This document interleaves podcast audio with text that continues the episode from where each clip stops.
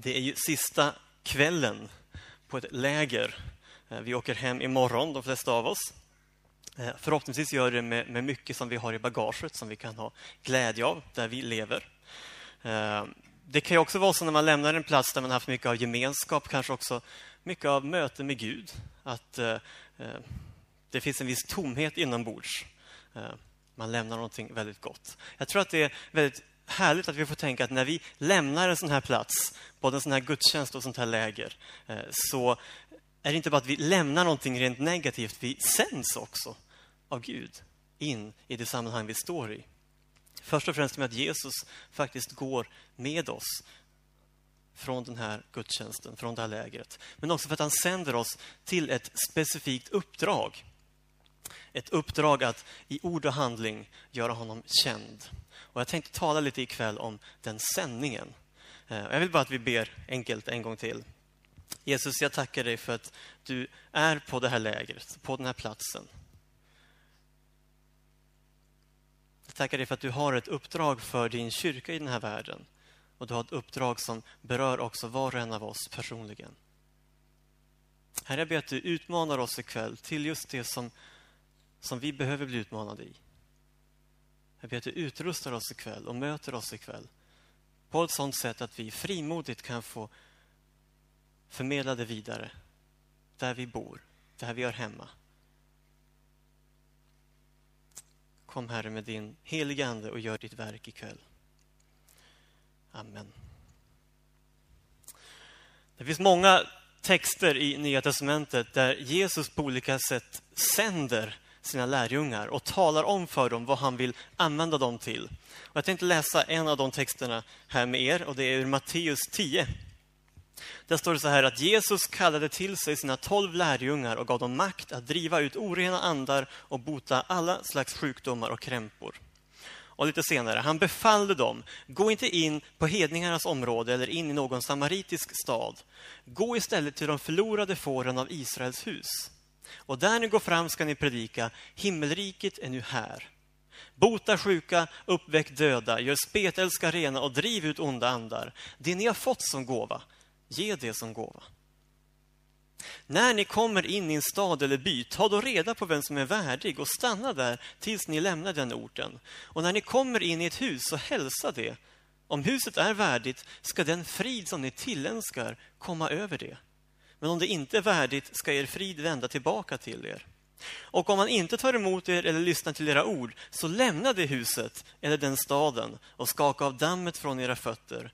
Amen säger er, för Sodoms och Gomorras land ska det på domens dag bli drägligare än för den staden. En väldigt innehållsrik text det här, och man skulle kunna säga kanske mer än jag har tänkt just nu. Men jag tänker på några saker i de här orden som Jesus delar. Ehm, dels visar ju Jesus än en gång att det vi ofta brukar kalla för missionsbefallningen, uppdraget att gå ut med budskapet om honom, det är någonting som får konsekvenser för hela människan. Han säger bota sjuka, uppväck döda, gör spetälska rena och driv ut onda andar. Så man kan säga att, att med budskapet om Guds försoning som grund, Guds förlåtelse, så har vi också blivit kallade att förmedla helande, befrielse till både ande, själ och kropp. Hela människan berörs när Guds rike visar sig i sin kraft.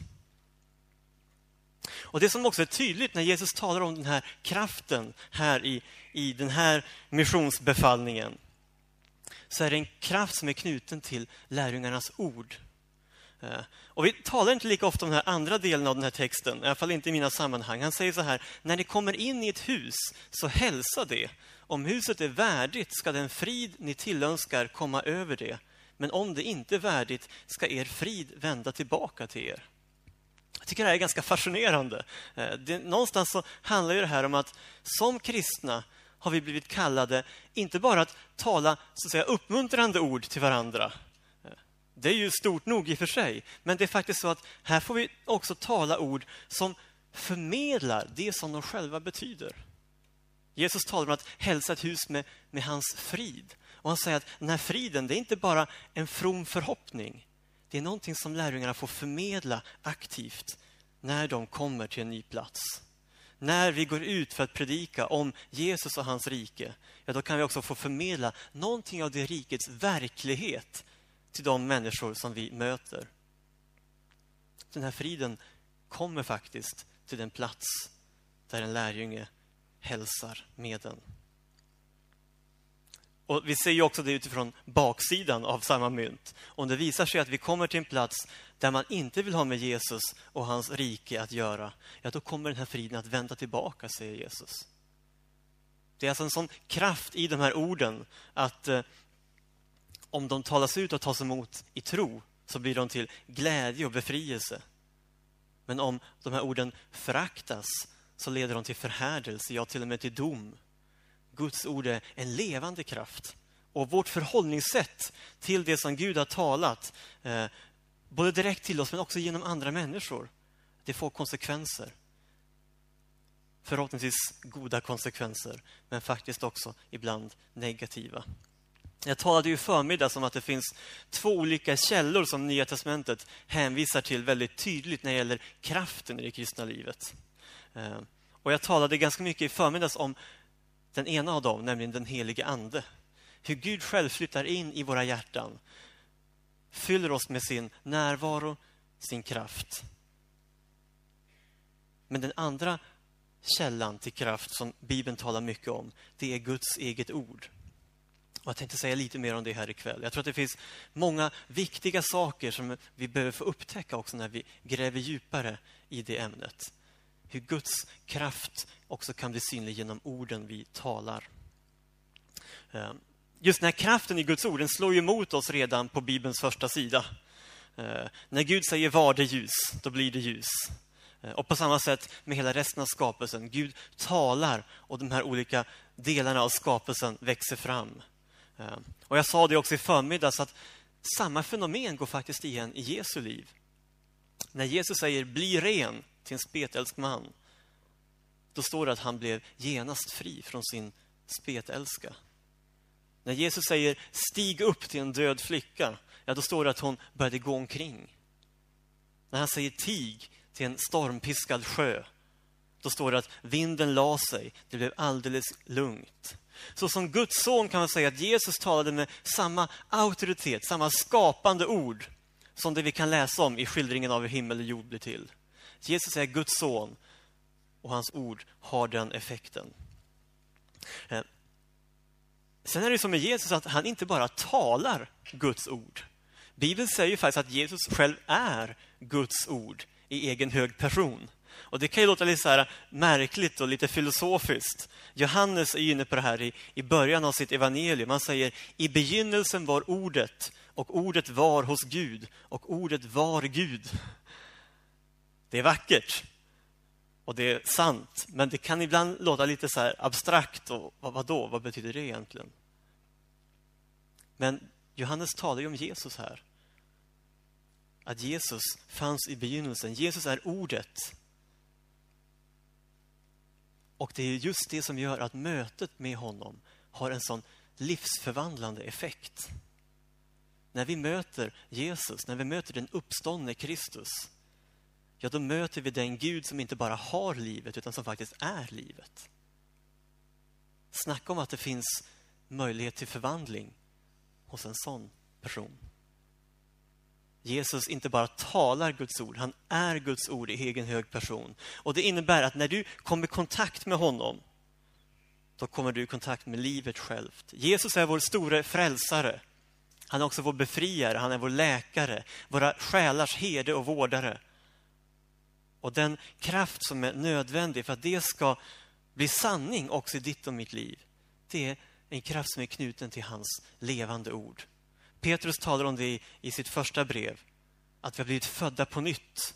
Och säger att det här har inte skett av en förgänglig säd, utan genom en oförgänglig, genom Guds levande ord som består. Och så säger han, det är det här ordet som har förkunnats för er. Alltså Gud själv har talat sitt varde in i ditt och mitt liv. När du tog emot honom, eller när du tar emot honom, om du ännu inte har gjort det, så är det samma Gud som kan skapa bara genom att tala, som talar in i ditt liv och fyller dig med sitt liv. Och det är det som sker genom Jesus Han som är Guds eget ord i en människas gestalt. Kan man säga halleluja till en sån sak? Det är rätt fantastiskt. Alltså, vi missar lätt det här. Men det är rätt fantastiskt att det är som vår Herre är. Vi, egentligen möter vi den här eh, saken, eller vad man ska säga, den här hemligheten i, i någonting vi gör ganska ofta i kyrkan, nämligen när vi firar nattvarden.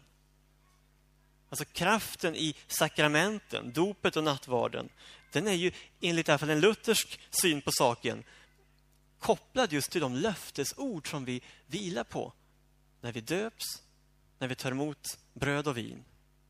Det är det som gör att det här blir ett, ett verkligt möte med Herren själv. Att det inte bara är en symbolhandling, utan ett verkligt möte med Jesus själv. Och Därför kan man också säga att resultatet, om man får uttrycka det så, av sakramenten, det avgörs av hur vi förhåller oss till de här löftesorden. Om vi tar emot dem i tro eller i otro. Sakramenten verkar inte magiskt i sig själva, så att om du är döpt så är du garanterat frälst och kommer till himlen. Eller om du tror mot nattvarden så är du garanterat frälst. Sakrament är frälsande när de tas emot i tro.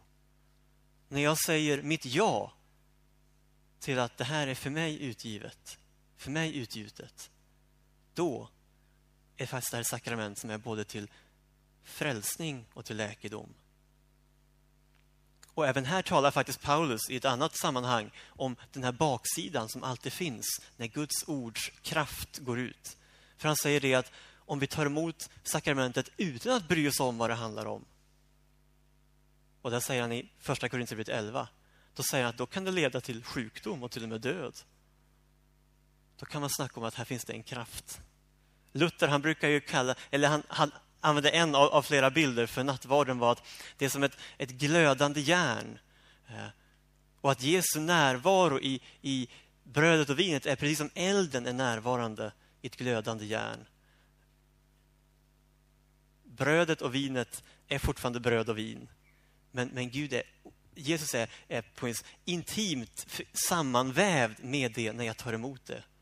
Och Därför så kan det bli till läkedom, det kan också bli till sjukdom om jag ska vara lite drastisk.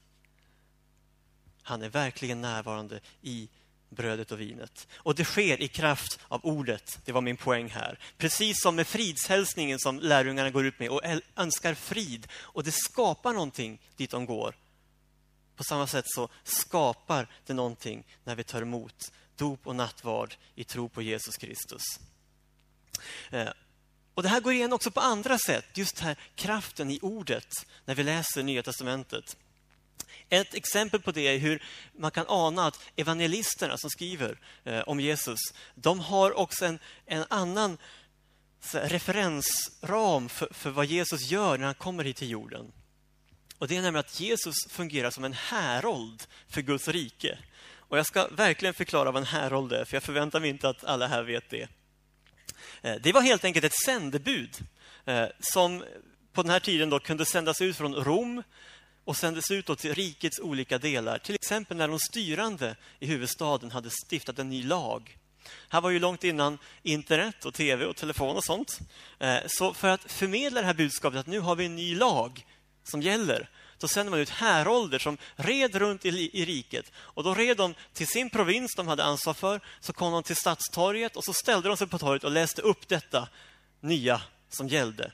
Och från den stund som härolden läste upp lagen var den gällande. Förstår ni poängen? Liksom, man, man, kan inte säga att det här gäller överallt på en gång, för alla kunde inte veta på en gång. Utan man fick rida ut och förkunna. Nu är det så här. Och från det att folket hade fått höra det så var det också en lag som gällde på den platsen. Och det är faktiskt precis det här som Jesus gör när han går runt och predikar. Eh, han är en härold. Och precis som en härold i Rom så är det så att Jesus behövde bli sänd med ett budskap för att kunna fungera på det sättet. Och då säger också Bibeln att Jesus var sänd hit till jorden av sin himmelske far. Och han sändes av sin far med ett fantastiskt budskap att förmedla till dem han mötte. Nämligen att Guds rike genom honom hade kommit hit till jorden. Vi har en kort sammanfattning av Jesu första predikan i Markus 1. har ett kärnfullt budskap. Tiden är fullbordad och Guds rike är nu här. Omvänd er och tro evangelium. Han förkunnar att nu är det någonting nytt. Guds rike är här. Och det är därför ni behöver omvända er, för att just nu går en kallelse ut att ta emot det som jag har talat ut. Och så visar Jesus att det här är inte bara ord. Det står det, jag vet inte om ni missade det när ni kom in, men det står en banderoll där. Guds rike är inte ord utan kraft, står det. Ett citat från första Korinthierbrevet. Jesus visar att det är precis så också i sin tjänst. För precis som med härolderna från Rom så kan man säga att när Jesus hade proklamerat det här budskapet, Guds rike är nu här, då var det allmän lag på den platsen. Spelreglerna hade ändrats. Och Jesus visade det genom att demonstrera Guds rike. Nämligen att han botade sjuka, drev ut onda andar, uppväckte döda, gav de fattiga ett glädjebudskap. Han var en härold från Gud. Matteus skriver att Jesus gick omkring i alla städer och byar och han undervisade i deras synagogor och predikade evangeliet om riket och botade alla slags sjukdomar och krämpor. Ett annat ord för härold är väl egentligen just ambassadör. För en ambassadör är ju precis som härolden utsänd att representera någon annan. En ambassadör har inte heller mandat att komma och tycka och tänka och säga en massa saker som uppdragsgivaren inte vill. Ambassadören förmedlar det han har fått från sin uppdragsgivare.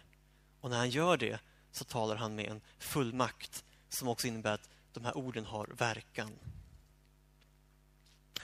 Var kommer vi in i allt det här?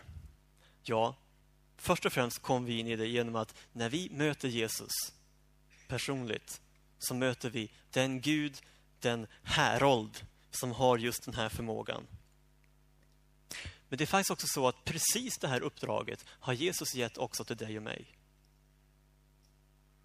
Vi läste tidigare i Matteus 10 att Jesus kallade till sig sina lärjungar och gav dem den här makten att driva ut orena andar och bota alla slags sjukdomar och krämpor.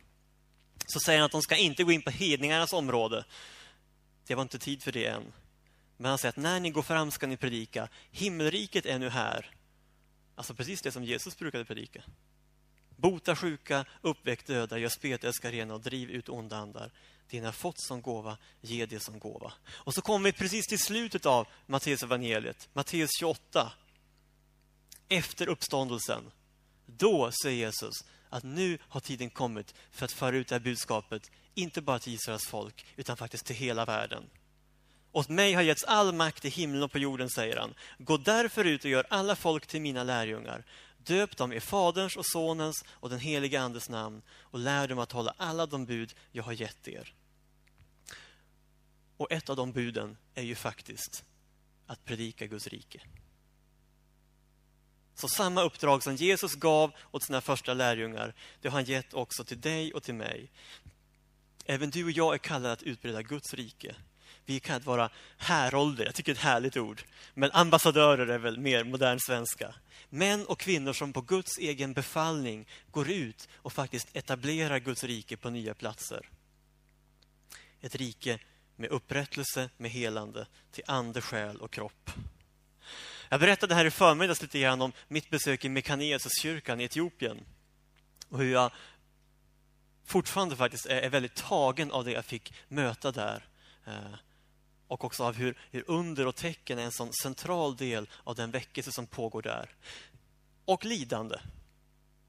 Även det är en central del. Det är en kyrka som, som luttrades i eld under kommunistdiktaturen. Där många faktiskt föll ifrån.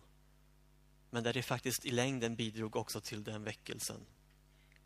Och efter att jag hade berättat det där så var det någon som frågade mig sen på, på lunchen hur, hur kan det här ske här i Sverige? Och kanske också varför händer inte det här här i Sverige? Eh, jag vet inte om jag har det fullkomliga svaret på den frågan.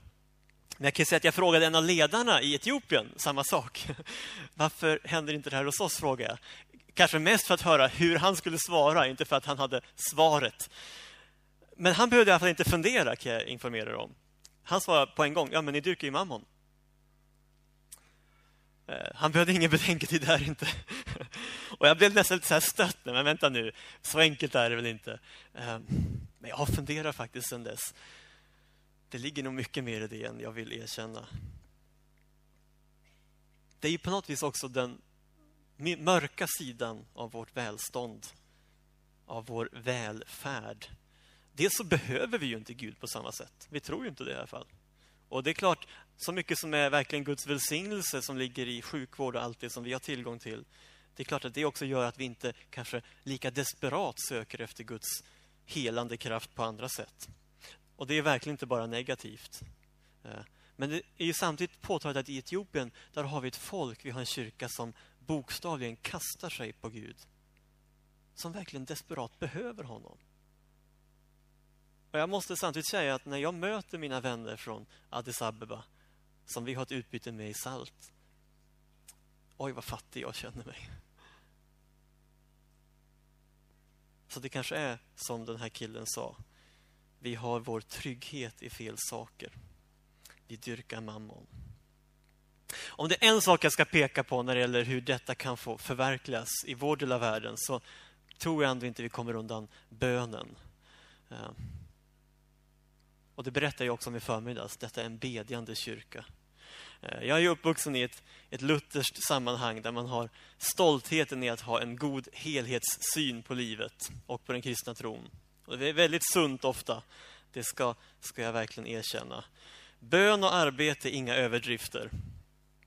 Eh, det är bara att jag har märkt att den där helhetssynen och balansen, den betyder väldigt ofta att man ber två minuter och sen har man fyra timmars sammanträde. Ehm, och kallar det för en helhetssyn. Ehm, egentligen borde en helhetssyn vara två timmar bön och två timmar sammanträde. Ehm, men det har jag sällan varit med om i mina sammanhang. Jag vet att jag kanske förenklar saker lite. Men jag utmanas faktiskt av det här. Jag tror att vi gör det lite för lätt för oss. Jag tror att vi har mycket mer än vi kanske vill erkänna att, att lära av våra vänner i, i väckelsekyrkorna. Och det gäller ju både Etiopien och andra delar av världen. Ehm, I den församling som jag finns med i ledningen för och, och, faktiskt också i SALT så har vi försökt börja anta den här utmaningen mer och mer. Ehm, I församlingen så har vi varje vecka en, en rejäl morgonbön tillsammans i ledarskapet. Och vi samlas naturligtvis också när vi har styrelsemöten och andra beslut som, som vi står inför. Och vi har försökt verkligen göra det till en, en, en vana och någonting viktigt att inför varje beslut, inför varje samtal eh, ta en rejäl stund i bön. Eh, faktiskt fråga Herren om han har något att säga. Eh, om han vill liksom smitta oss med någonting som ligger på hans hjärta. Eh, och jag har fått höra i mina sammanhang att sånt där som vi ibland ber om, det ska man inte fråga om, för det är inget Gud behöver informera oss om. Det kan vi tänka ut själva. Eh, men det märkliga är att Gud har inte alltid brytt sig om det. Han har faktiskt sagt ett och annat ändå, som vi inte behövde fråga om. Eh, och det utmanar mig lite, för när jag pratar med mina vänner i Etiopien så säger de att det är precis likadant hos dem. Eh, det kan vara att vi tar tid i bön inför konkreta frågor, vägval. Det tror jag vi alla är vana vid. att När vi våndas över någonting och inte vet vad vi ska göra, då sänder vi en bön till Gud. Möjligen kan vi utmanas att, att inte bara sända bön utan också ta tid för lyssnandet. Och då räcker det inte med två minuter. Konkret kan det vara att vi ska stå inför ett vägval eller ett viktigt möte. Och vi tar en halvtimme i bön för att be kring det, men också se, är det någonting Gud vill visa som vi behöver veta inför det mötet? Och Det kan hända att någon får en tanke av att det kanske faktiskt är en ren andemakt som vi utmanar i det vi ska göra. Och Då får vi bara ta emot det som en, en gåva från Gud. Han visar i förväg att nu kommer ni provocera det här kraftfältet. Så får vi i Jesu namn binda den anden. Och Det behöver inte vara märkvärdigare än så. Men jag tror att det är med och banar väg för Guds verk i det vi sen får göra. Det kan vara att vi i församlingsledningen ber för personer i vår gemenskap som vet har det tufft. Och han ger tankar och bilder av att det handlar om det här. Och då kan vi också få en större tyngd i att be för den personen. Och Vissa av er vet att Jesu bror Jakob han talar om de äldstes bön i Jakob 5. Och exakt vad en äldste är, det tror jag kanske inte spelar så stor roll. Det är åtminstone någon i ledarskapet i en kristen gemenskap. Eh, och han talar om att deras bön i tro ska på ett särskilt sätt kunna få göra verkan. Jag tror att här finns någonting att upptäcka också. När du står i ledningen för ett sammanhang, det kan vara en församling eller förening, det kan också vara ett helt annat sammanhang, det kan vara ett läger, det kan vara en evangelisationssatsning. Att lita på att om du tar tid i bön, då vill Gud också väcka en ny typ av bönetjänst i dig. Där han faktiskt leder dig och visar dig hur du ska be. Och Det finns en alldeles unik kraft i det. Och ibland när vi har bett den typen av böner så har vi känt i våra kroppar att nu fick vi svar. Jag kan inte förklara på annat sätt. Men det har varit oerhört påtagligt. Och det är för mig en ganska ny erfarenhet. Och jag tror att det handlar om just det här äventyret i bönens värld. Grunden är ju helt enkelt att vi behöver ta tid och fråga Herren vad som ligger på hans hjärta. Eh, för det är när vi vet vad som ligger på hans hjärta som vi kan gå i förberedda gärningar.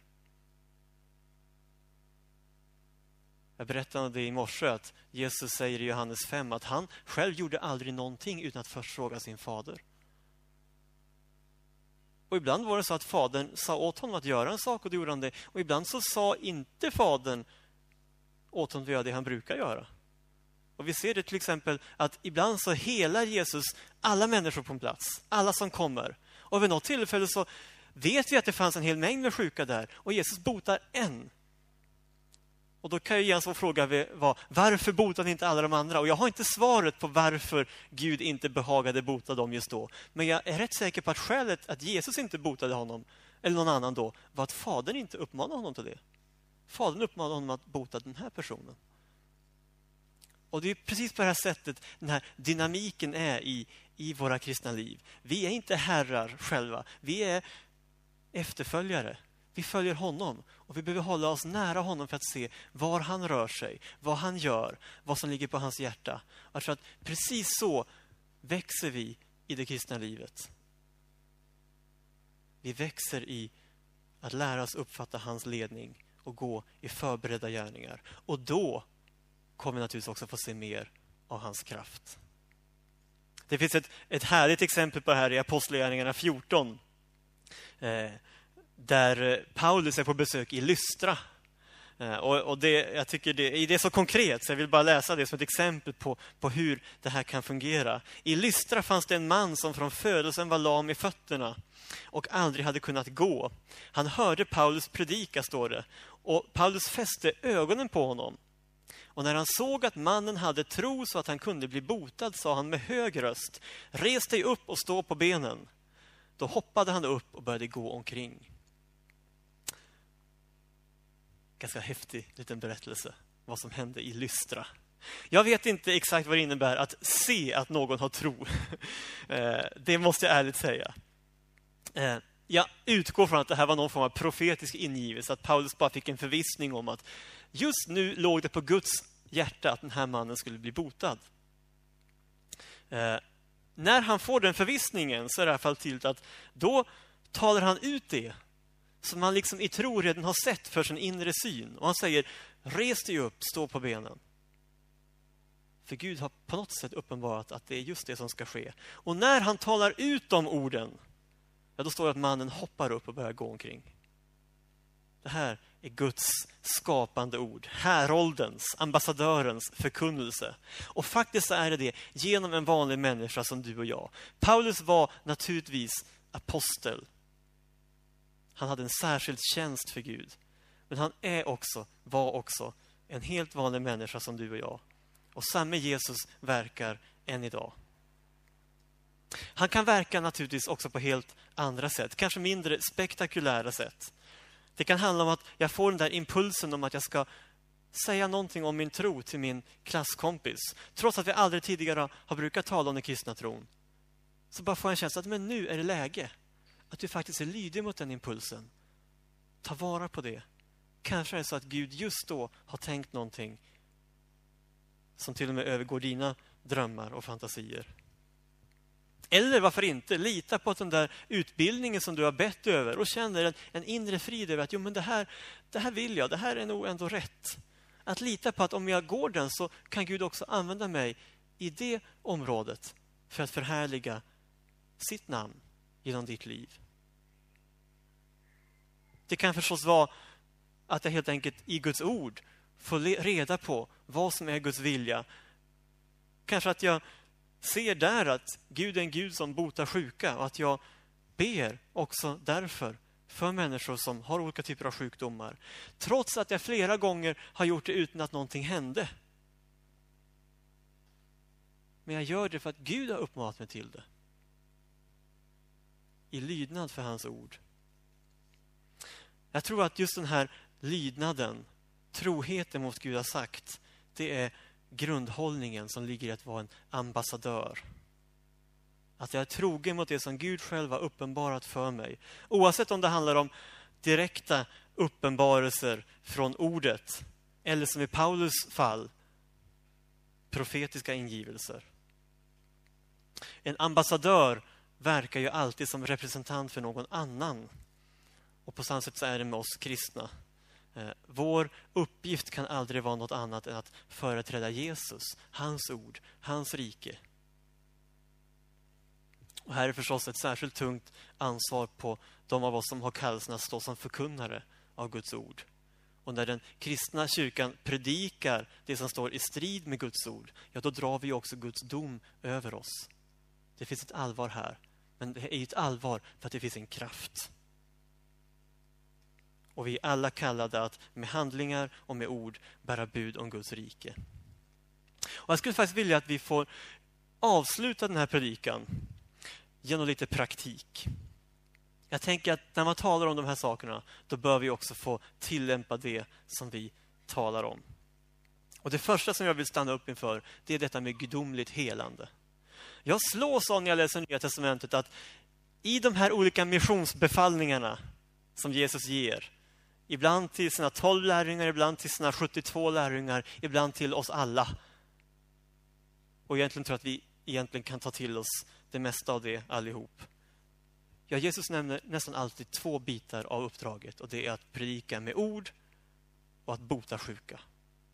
Att predika med handling.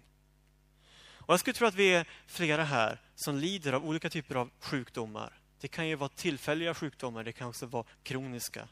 Eh, det kan vara verk eller skador som vi har fått. Kanske någon idrottsskada. Eh, vad det än gäller så vill jag att vi om en stund får ta en stund och be för er som känner att ja, men jag vill ta tillfället att få personlig förbön för den sjukdomen, den skadan som jag har. Och Jag tänkte att vi ska göra så här enkelt att ni som känner att ja, men jag vill vara med ikväll och, och komma med min smärta, min skada, min sjukdom till Jesus.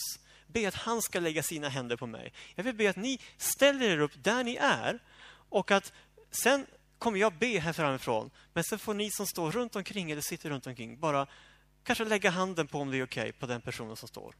Är det okej okay att vi får ta en liten stund bara här tillsammans och be på det sättet? Då gör vi det. Då inbjuder jag dig som känner att ja, men jag skulle behöva ett vidrörande av Guds helande kraft ikväll. Att du ställer dig upp nu. Och ni som sitter eller står runt omkring, ni kan väl bara lägga händerna på de här vännerna. Och så ska jag leda en bön här framifrån. Eh, och vi gör det här utifrån Jesu egen befallning.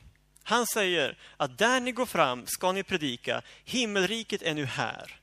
Bota sjuka, uppväck döda, gör spetälska rena och driv ut onda andar. Det ni har fått som gåva, ge det som gåva. Och kära vänner, vi har fått Jesus själv. Vi har fått hans helige ande som gåva. Och ingen av oss vet vi, kan bota någon annan människa. Men han som har skapat oss och han som har fört oss in i sitt rike, han kan använda oss som sina kanaler. Och nu ber vi att det ska få ske här och nu. Herre, vi välkomnar ditt rike. Vi tackar dig för att du är densamme igår och idag och i all evighet. Herre, vi tackar dig för att du är vår store läkare. Att du visade när du vandrade runt här på jorden att helande låg på ditt hjärta. Och Herre, du ser vår vånda över att vi inte alltid har sett den kraften. Men Herre, vi vill stå fasta på ditt ord. Att du är den du säger att du är. Du är Herren, vår läkare. Och nu ber vi ikväll här att du förhärligar ditt namn som Herren, vår läkare. Och i Jesu namn så vill jag bara få tala ut läkedom från den himmelska tronen. Herre, just nu ber jag att du kommer över mina bröder och systrar som står upp Herre, du vet vad de bär på. Du vet smärtor, du vet skador, du vet sjukdomar. Herre, du är expert på oss var och en. Och vi ber att du sträcker ut dina händer och rör precis där vi behöver bli berörda. Kom helige Ande. Vi bara tar en stund i bön.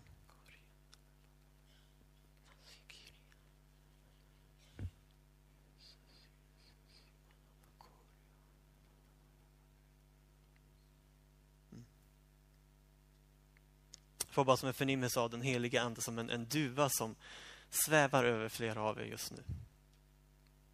Helige Ande, vi välkomnar dig. Ber att du svävar över det här rummet. Du som kommer med läkedom under dina vingar. Herre, vi prisar dig för att du har läkedom under dina vingar. Vi bjuder dig att få sväva fritt över oss idag, Herre. Tror också att Gud rör vid det som kan vara inre sår i flera av er. Att han bara varsamt lägger sin hand, sätter sitt finger på kanske en ganska öm punkt. Men han gör det för att han ska få värma upp det som har frusit fast. Det som har stelnat till. Kom här med din olja. Mjuka upp, Herre. Mjuka upp det som har stelnat till i våra liv, i våra hjärtan.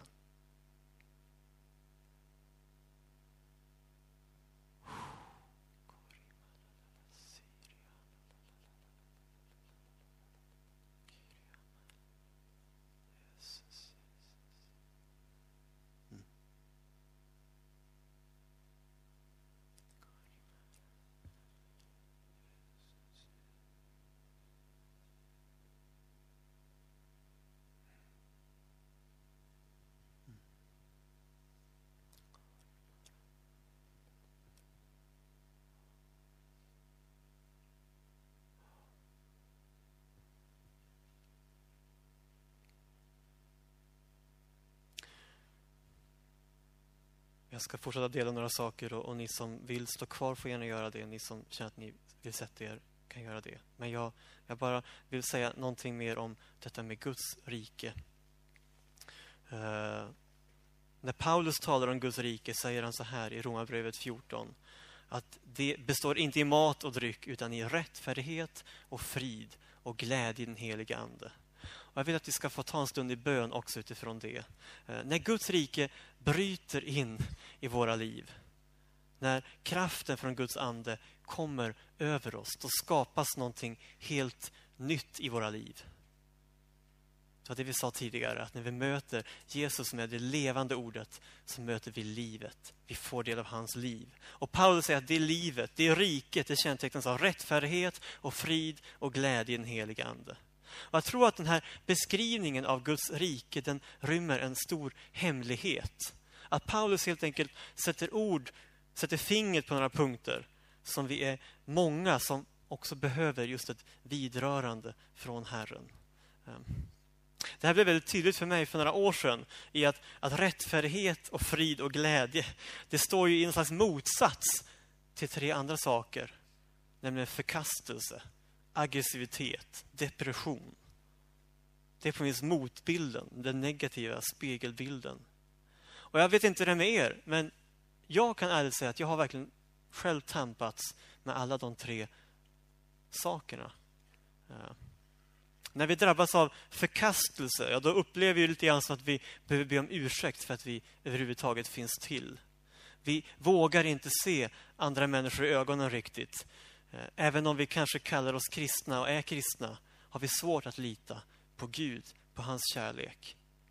Vi har tappat vår frimodighet både inför Gud och andra människor. Och jag vill bara säga till dig ikväll som känner att du plågas av förkastelse att det här är något som Gud vill hjälpa dig att bli fri ifrån. Han vill hjälpa dig att bli fri från skammen, självföraktet. I Hebreerbrevet 10, 10 står det så här. Så kan vi då, mina bröder, tack vare Jesu blod, frimodigt gå in i helgedomen på den nya och levande väg genom förhänget, hans kropp som han har invigt åt oss. Alltså vi får frimodigt komma till Jesus. Och Paulus han skriver i andra Korinthierbrevet och det här handlar om precis det jag talat om ikväll. Att Gud som sa, ljus ska lysa fram ur mörkret. Han har låtit ljus lysa upp våra hjärtan för att kunskapen om Guds härlighet som strålar fram i Kristi ansikte ska sprida sitt sken. Alltså samme Gud som har skapat ljuset. Han har talat liv och vill och kan tala liv och ljus in i ditt liv. Och vi ska be att det ska få ske här ikväll. Jag vill bara nämna lite om de andra bitarna. Du som kanske brottas med aggressivitet, mörker, depression. Jag ska naturligtvis inte stå här och lova att alla vi som sitter här över en natt ska bli fria från saker som kanske har byggts upp under flera års tid. Men jag vet att Guds rike är frid. Om du öppnar dig för den helige Ande vill han förändra dig. Så att den här irritationen, aggressionen får ge vika för den frid som övergår allt förstånd. När jag var i tonåren var jag ganska... Jag hade mycket aggressivitet i mitt liv. Jag brukar bli... Ja, på den tiden sa att jag blev förbannad. Jag brukar inte säga så numera, men det passar väl för hur jag kände det då. Och när jag blev det, då gick jag ner i källaren där jag hade mitt rum och så satte jag på Metallicas Ride the Lightning på högsta volym. Då tyckte jag att jag fick utlopp för min aggression. Jag tycker fortfarande om tung musik, även om jag kanske inte just lyssnar på det längre. Men eh, jag fick ett möte med en helig ande som verkligen rörde om i mitt liv. Och en av de saker som blev en direkt konsekvens av det mötet var att när aggressiviteten bara rann av mig. Jag hade liksom inte behovet längre av att få det utloppet. Samma sak med depression. Gud har inte gett oss modlöshetens ande, står det i första Timoteusbrevet, utan kraftens, kärlekens och självbesinningens. Om du känner att du behöver ett vidrörande av den ande som faktiskt står i krig med depressionens ande, modlöshetens ande. Ja, även det vill jag att vi ska be för. Och ni behöver inte så att säga känna att ni avslöjar vad av det här ni ger till känna för. Men jag vill uppmana dig som känner att det här också vill jag få ta emot förbön för här och nu. Att du ställer dig upp på det löftet att Guds rike är rättfärdighet, frid och glädje i den helige Ande. Om du känner att det finns någon form av mörker eller någon form av sån här sak som du kämpar med. Om du vill stå upp så vill vi också bara be för dig också.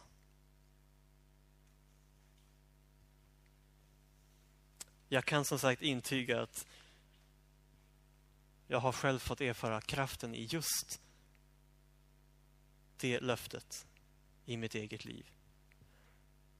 Jag utlovar inte att saker som byggts upp över tio års tid ska försvinna på en kväll. Men jag vet att det också kan hända. Och jag vet att han vill tala ljus in i ditt liv. Och nu får vi be för våra bröder och systrar som står upp. Herre, än en gång vill jag tacka dig för dina löften. Tack Herre för att ditt rike ger oss just det som vi faktiskt inte förmår i oss själva. Herre, att du kommer och ger oss det som vi saknar. Att det är därför vi behöver också ta emot din hjälp. Det är därför vi söker din kraft. Och herre, du har sagt att ditt rike är inte ord utan kraft. Och du har också sagt att ditt rike är rättfärdighet, frid och glädje i den helige Ande. Herre, nu vill jag tala till de av våra vänner här som brottas med förkastelsen. Med det inre mörkret som gör att vi inte riktigt vågar se frimodigt upp på dig. Kanske inte heller se på våra medmänniskor. Herre, i Jesu namn så ber jag att du bryter den förkastelsen. Att du bryter förkastelsens grepp här och nu, Herre. Vi talar ditt liv in i våra vänner. Just nu, Herre, kommer ditt liv. Herre, du ser de av oss som brottas med irritation och aggression. Som liksom inte vill ge med sig utan kanske förföljer oss, ställer till det för oss. Herre, vi välkomnar dig än en gång, du som är mildhetens, nådens och fridens ande.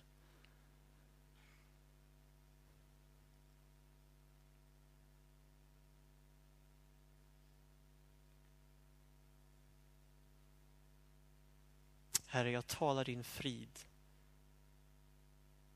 ut över den här lokalen.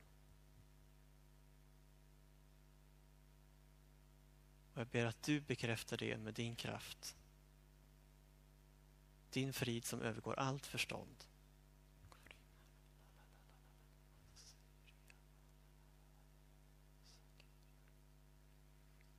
Herre, så vill vi till sist också be för de av oss som brottas med depression och modlöshet på olika sätt. Jag tackar dig för ditt löfte att du har inte gett oss modlöshetens ande utan du har gett kraftens och kärlekens och självbesinningens ande.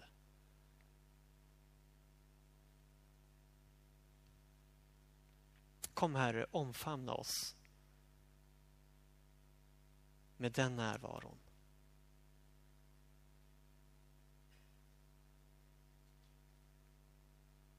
I Jesu namn vill jag också bara bryta depressionens grepp över de som plågas under den anden.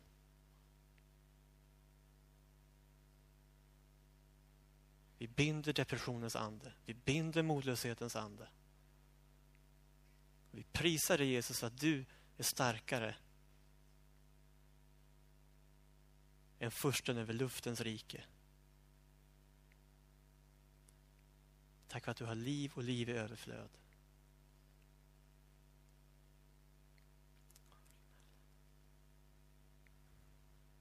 Mm.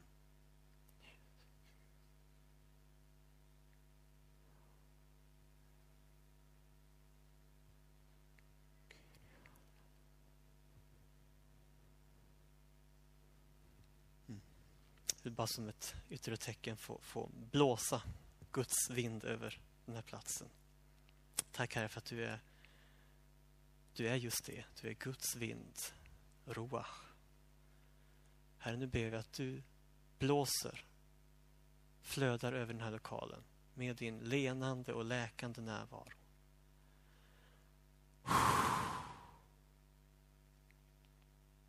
Herre, som vågorna i oceanen, jag ber att du sköljer över det som är skrovliga stenar och gör dem mjuka. Herre, du ser än en gång det som finns av inre sår. Jag får en känsla att det är några som har som någon slags tagg i sitt inre, som, som en törntagg som har fastnat. Jag ber här att du just nu bara griper in och med din precision, Herre, plockar ut den här taggen.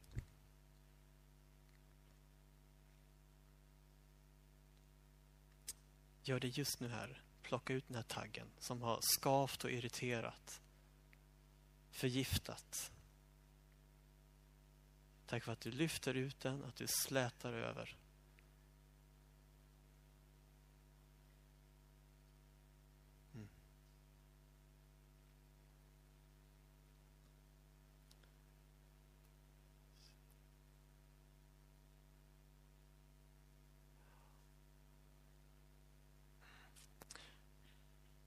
Herre, nu vill vi än en gång få tacka dig för att du är den du är. Vi tackar dig för att vi har dig, att vi får komma till dig, att vi inte är lämnade ensamma i den här världen. Tack för att han som är i oss är större än den som är i världen. Och vi ber att när vi går härifrån ikväll så ska du få vara med oss och omsvepa oss precis som en kappa. Att vi får vara i dig, Jesus Kristus. Du som är vår rättfärdighet, du som är vår vishet, du som är vår helighet, du som är vår kraft. Du som har gett oss barnaskapet ande. Att vi får kalla dig för vår far. Tack för att bara det är så mycket helande att du får vara vår himmelske pappa. Herre, nu lägger vi allt det vi har fått tala och säga och be den här kvällen i dina händer. Och det ber jag om i ditt dyrbara namn Jesus. Amen.